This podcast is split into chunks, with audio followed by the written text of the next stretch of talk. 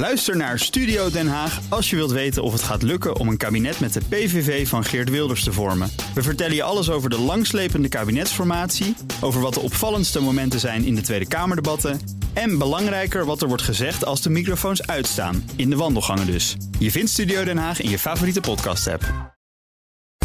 Tech Update. Met Joe van Buurik. Goedemorgen, Joe. Meindert en Iwan, hi. Intel zet een uh, nieuwe chipfabriek neer in Israël. Tenminste, dat is wel het plan. En Ja. hij kost ook nog eens een slordige 25 miljard dollar. En dat bij elkaar is reden voor de Israëlische premier Benjamin Netanyahu. Om dat als eerste enthousiast te vertellen eh, aan de wereld. Volgens hem gaat het om de grootste internationale bedrijfsinvestering ooit in het land. De fabriek moet komen in de stad Kiryat Gat. En moet in 2027 open gaan. Sowieso tot 2035 gaan draaien.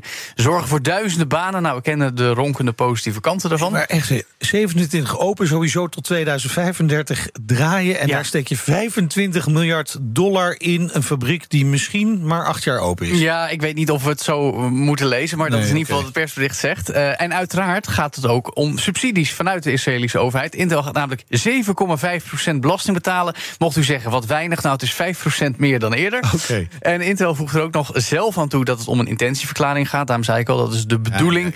Ehm, heeft de extra capaciteit ook nodig om aan de toekomstige vraag naar chips te voldoen. Zoals we weten, die blijft eigenlijk alleen maar stijgen. En ze eh, zeggen bij Intel ook dat de activiteiten in Israël sowieso een cruciale rol hebben gespeeld in het wereldwijde succes. Want ja, Intel heeft een geschiedenis met Israël. Zit al 50 jaar in dat land. Hebben in 2017 trouwens nog een overname gedaan, namelijk van Mobileye voor 15 Oh ja. miljard dollar. Bedrijven naar autonoom rijden. Vorig jaar naar de beurs gebracht. En Intel is druk bezig, want ondertussen hebben ze een paar dagen geleden ook aangekondigd dat ze een fabriek gaan neerzetten in Polen.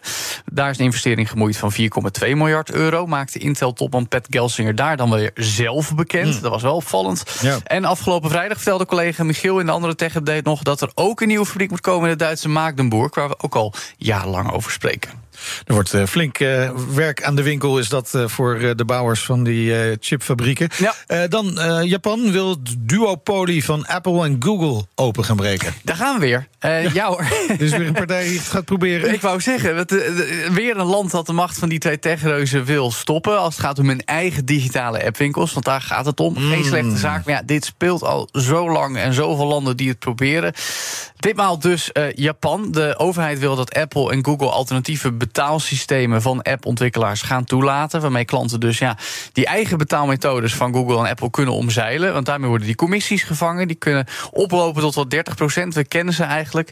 Eh, en daar heeft bijvoorbeeld Epic Games, bekend van de game Fortnite, heel hard tegen gestreden een paar jaar geleden. In ons land, notabene, het moederbedrijf achter Tinder, dat ook via de autoriteit eh, Consumentenmarkt eigenlijk keer op keer heeft geprobeerd om onder die commissies uit te komen. Er is nog steeds niet echt Nee. een goede oplossing. En ook internationaal zijn er nog geen afspraken voor. Maar goed, nu dus Japan hebben er een wetsvoorstel voor liggen.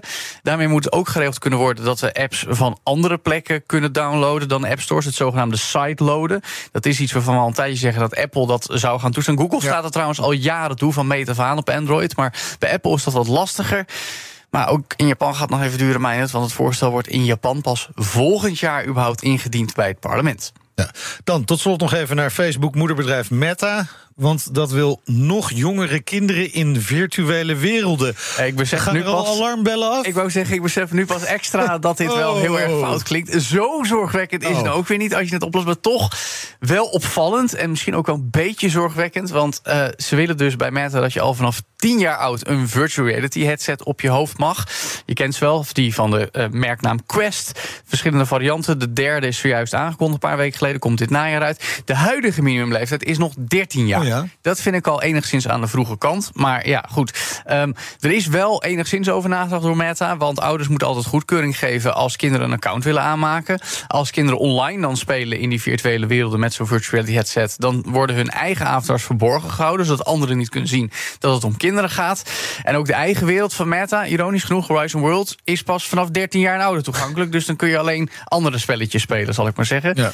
Maar goed, het is wel saillant, want dit gaat wel om ja, in ieder geval de, de angst angsten en de onderzoeken die gedaan worden naar de effecten van digitale uh, ja, dingen op kinderen. Uh, er ligt al een wetsvoorstel in Congress dat social media voor kinderen onder de 13 gewoon zou moeten verbieden. Mm. We kennen daar de studies van ja, mentaal welzijn dat nog wel eens onder druk kan staan. En ook al gaat het dan hier om virtual reality, dan heb je het ook nog weer om oogontwikkeling, zeg maar, waar ook nog wel eens onderzoekers angstig voor zijn. En Meta zegt dan als het gaat om privacy, nou we gaan in ieder geval geen advertenties, uh, advertenties tonen aan kinderen.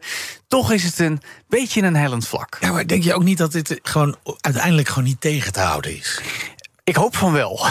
Ja, je hebt een kindje dat nog 13 moet worden. Dat maar ook. Nou ja, maar goed, die zal er vast vroeg een keer eentje op hebben, gewoon om het eens te proberen. Alleen, ja. uh, uh, maar je bent er als ouder gewoon bij, hè? In tuurlijk, tuurlijk, tuurlijk. Maar hier is nog heel weinig over bekend. Ja. Dit is bij uitstek iets waar. Kijk, met social media hebben we 15 jaar nodig gehad om een beetje in kaart te brengen ja, wat de gevolgen zijn. Daar weten we nog heel weinig van, natuurlijk. Ik bedoel maar. maar. Kinderen van 7 kunnen toch ook klikken op ja, ik ben 10. Ja. ja, maar in dit geval moeten dus daadwerkelijk ouders hun toestemming geven als ze een account willen aanmaken. Tenzij je inderdaad gewoon je leeftijdsverificatie ja, om zelf. Papa en mama doen eraan mee. Ja.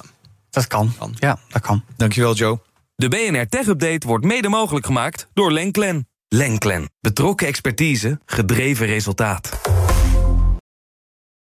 Ook Thomas van Zeil vind je in de BNR-app. Je kunt live naar mij luisteren in Zaken doen. De BNR-app met breaking news, het laatste zakelijke nieuws... en je vindt er alle BNR-podcasts, bijvoorbeeld Het Nieuwe Geld. Download nu de gratis BNR-app en blijf scherp.